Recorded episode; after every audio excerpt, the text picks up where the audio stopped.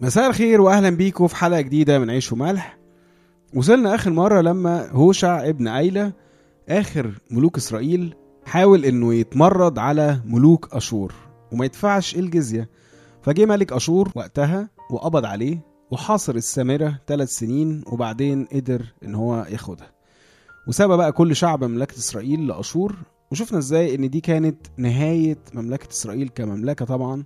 بسبب إصرارهم على البعد عن ربنا والالتصاق بالأمم وعبادة آلهتهم. فبالتالي مشيوا بقوانين الأمم والعالم واللي ملهاش أي علاقة طبعا بحماية ربنا إنما إن القوي هيتسلط على الضعيف وعادي هيجي وقت هو كمان يضعف وحد أقوى منه يجي في وقت يتسلط عليه. وده اللي حصل مع مملكة إسرائيل برضه إن جت مملكة أشور تسلطت عليهم وأخدوا أرضهم واتسبى شعب إسرائيل عندهم.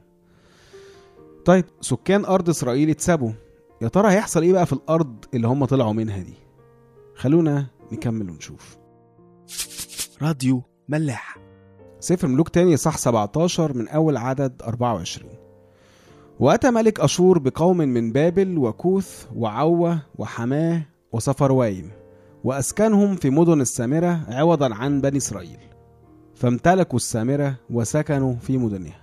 وكان في ابتداء سكنهم هناك أنهم لم يتقوا الرب فأرسل الرب عليهم السباع فكانت تقتل منهم. يعني ملك أشور جاب مكان الإسرائيليين اللي كانوا موجودين شعوب تانية سكنهم في إسرائيل. طبعا كل واحد بقى جاي بالآلهة بتاعته خمس شعوب مختلفة وكل شعب كان بيبقى عنده إله واثنين وثلاثة. واعتبروا بقى خلاص إنه ربنا اللي هو كان إله الإسرائيليين ده يعني إله ضعيف وراحت عليه فمش عاملين له أي حساب. فربنا بقى حب يفهمهم بالشكل اللي هم يفهموه إنه لأ. أنتوا ما جيتوش هنا عشان أنتوا أقوياء ولا آلهتكم ساعدتكم لأ افهموا كويس. أنتوا جيتوا هنا عشان الشعب اللي كان هنا مكانكم سابوني وما سمعوش الكلام ولا التحذيرات بتاعتي. فلما أنا سبتهم بس أنتوا قدرتوا عليهم. وبمزاجي برضو. وانتوا مش هتسكنوا في الأرض دي غير بمزاجي برضو. طبعا هو مش هيسكنوا في أي أرض من غير مزاج ربنا بس الفكرة إنه ربنا عشان يبين عمله في مكان عن مكان تاني وعشان يفهمنا إحنا الكلام ده فيقوم يفرق قوي في التعامل ما بين المكان المخصص ليه والمكان اللي رفض وجود ربنا. ومن هنا بيجي أصلا مفهوم التقديس عامة ان التقديس جاي من التخصيص إنه حد يخصص نفسه لربنا أو يخصص مكان لربنا أو يخصص حاجة لربنا فربنا يفرقها عن أي حاجة تانية في العالم. فربنا ساعتها حب يفهم بقى كل الناس بموضوع السباع والأسود دي إنه لو حصل وشعبي ما مشيش ورايا فما عرفش يدافع عن أرضه واتاخدت منه بس الأسود دي هتسمع كلامي أكتر منه ومحدش هيسكن هنا قبل ما تفهموا كلكم إن الأرض دي بتاعتي وأنا اللي كنت مديها لهم. وفعلا بنشوف على طول إن الشعوب المختلفة دي فهمت الرسالة. فيقولوا لنا كده بعدها فكلموا ملك أشور قائلين إن الأمم الذين سبيتهم وأسكنتهم في مدن السامرة لا يعرفون قضاء إله الأرض مش عارفين إيه نظام إله الأرض إله المنطقة دي عشان هم كانوا الآلهة عندهم بتبقى بالمناطق. كده فأرسل عليهم السباع فهي تقتلهم لأنهم لا يعرفون قضاء إله الأرض. قالوا له بقى إحنا مش عارفين قضاء أو نظام إله الأرض دي فحد يفهمه لنا عشان إحنا هنموت كده. فأمر ملك أشور قائلا ابعثوا إلى هناك واحدا من الكهنة الذين سبيتموهم من هناك فيذهب ويسكن هناك. ويعلمهم قضاء إله الأرض. يعني ينتدب واحد من الكهنة اللي اتسابوا مع شعب إسرائيل يروح في الأرض دي ويعلم الناس قضاء ربنا. فأتى واحد من الكهنة الذين سابوهم من السامرة وسكن في بيت إيل وعلمهم كيف يتقون الرب. يعني قالوا له هاتوا لنا أي حد بيفهم يقول لنا نعمل إيه؟ طبعا هو راح لواحد من الكهنة بتوع السامرة اللي هم أصلا ما كانوش كهنة زي ما ربنا كان معلمهم ومش من سبط لاوي أصلا. لا دول كانوا كهنة من اللي عملهم يا ربعام ابن نباط اللي هو مؤسس مملكة إسرائيل للعبادة الغريبة أو الموازية اللي هو كان أنشأها. بس عشان كل ده كان اسميا برضو لربنا الإله اللي خرج شعب إسرائيل من أرض مصر فالكاهن ده كان أقرب الحلول اللي قدروا يوصلوا لها. ويعني المهم في كل ده هي كلمة وعلمهم كيف يتقون الرب. إزاي بقى والنتيجة هتبقى عاملة إيه في الآخر مش مهم ما هنعرف يعني. مش ده أصلا اللي كان هم ربنا إنما اللي كان همه زي ما قلنا إنه يفهم كل الأمم دي إنه لسه موجود ومفيش حد هياخد حاجة منه غصب عنه. خلينا بقى نشوف هيعملوا إيه عشان يتقوا الرب. فكانت كل أمة تعمل آلهتها ووضعوها في بيوت المرتفعات التي عملها السامريون. كل أمة في مدنها التي سكنت فيها.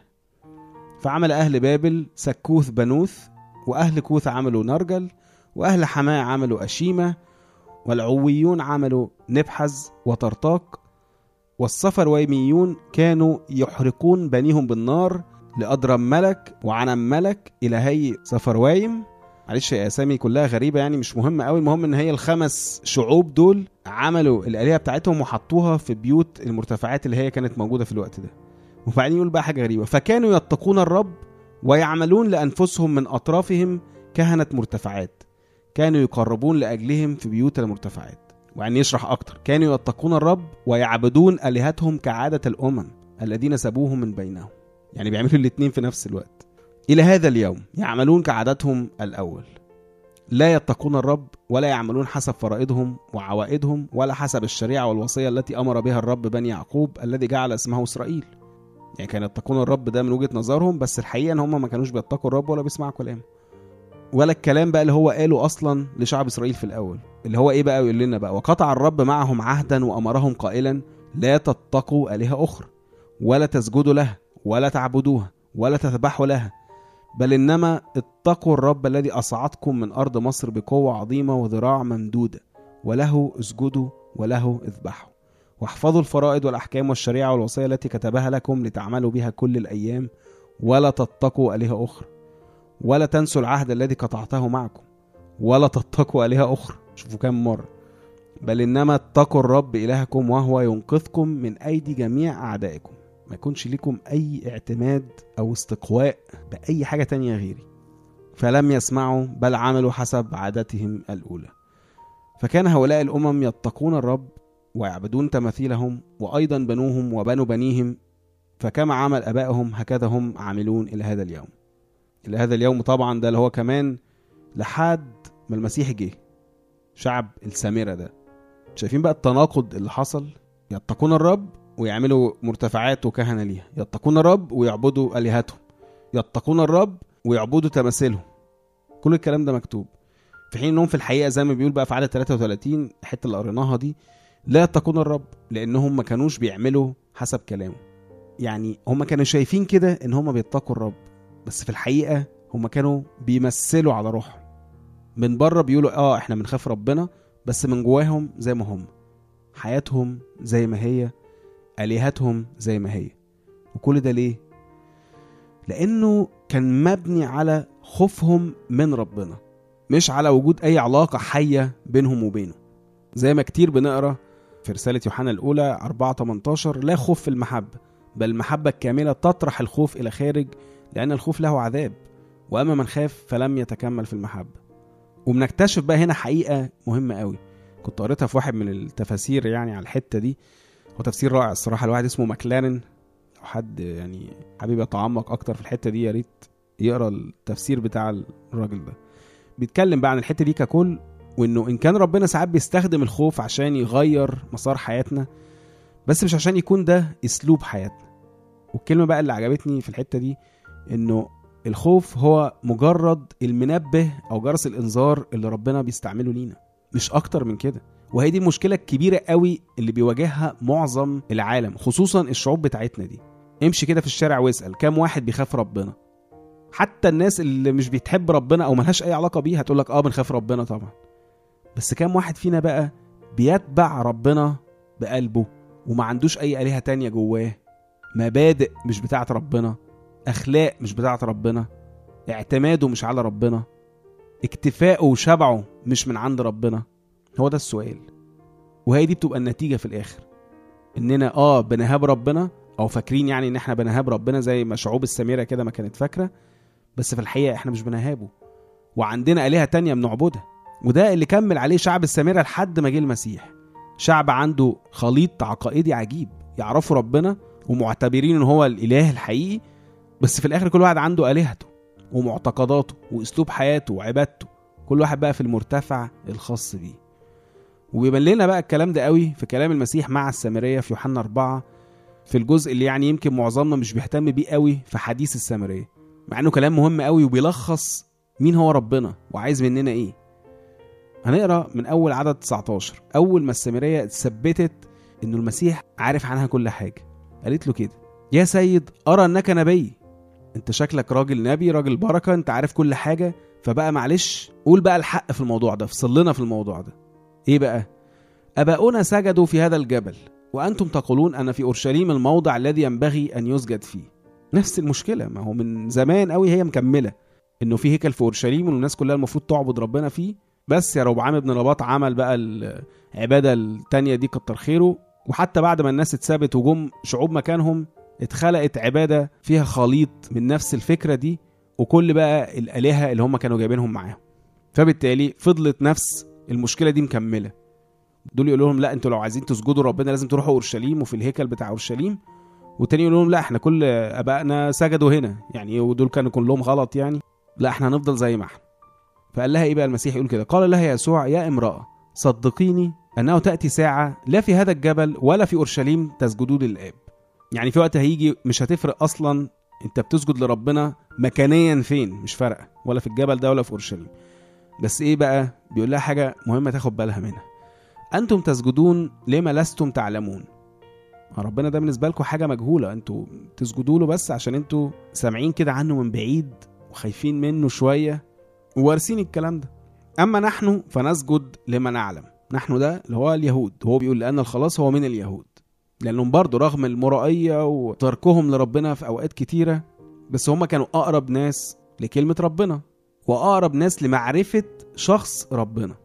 بس برضه يكمل بقى ويقول ولكن تأتي ساعة وهي الآن يعني خلاص بقى الوقت ده جه دلوقتي حين الساجدون الحقيقيون يسجدون للآب بالروح والحق. كل ده بقى إيه؟ هيروح. ولا أورشليم ولا الجبل اللي في السامرة ولا أي حاجة. السجود الحقيقي هو بالروح والحق. وبعدين يقول بقى حتة حلوة قوي لأن الآب طالب مثل هؤلاء الساجدين له هم دول اللي الآب بيدور عليهم وعايزهم اللي بيسجدوا لربنا بجد. الله روح والذين يسجدون له فبالروح والحق ينبغي أن يسجدوا.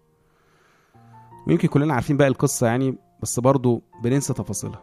السامرية قالت للمسيح كده بعدها بما معناه أنا عارفة إنه هيكون في مسيا اللي هو المسيح وده أول ما يجي يخبرنا بكل شيء هيقول لنا على كل حاجة. ليه؟ لأنه عارف كل حاجة. عارف ليه بقى؟ عشان دارس عشان قاري. لا عشان عايش بالروح. عشان مختبر بالحق اللي هو بجد عايش بجد. فلما المسيح بعدها قال لها أنا هو المسيا صدقته. وراحت في ساعتها بشرت بيه في المدينة بتاعتها. سمعت له عشان لقيته عارف. وعشان كده محدش بيسمع لنا. عشان إحنا مش عارفين. الإنسان البسيط اللي عايز يعرف ربنا زي السامرية دي على طول بيقدر يفرز اللي قدامه. هو عارف ربنا ولا عارف عن ربنا؟ تفرق.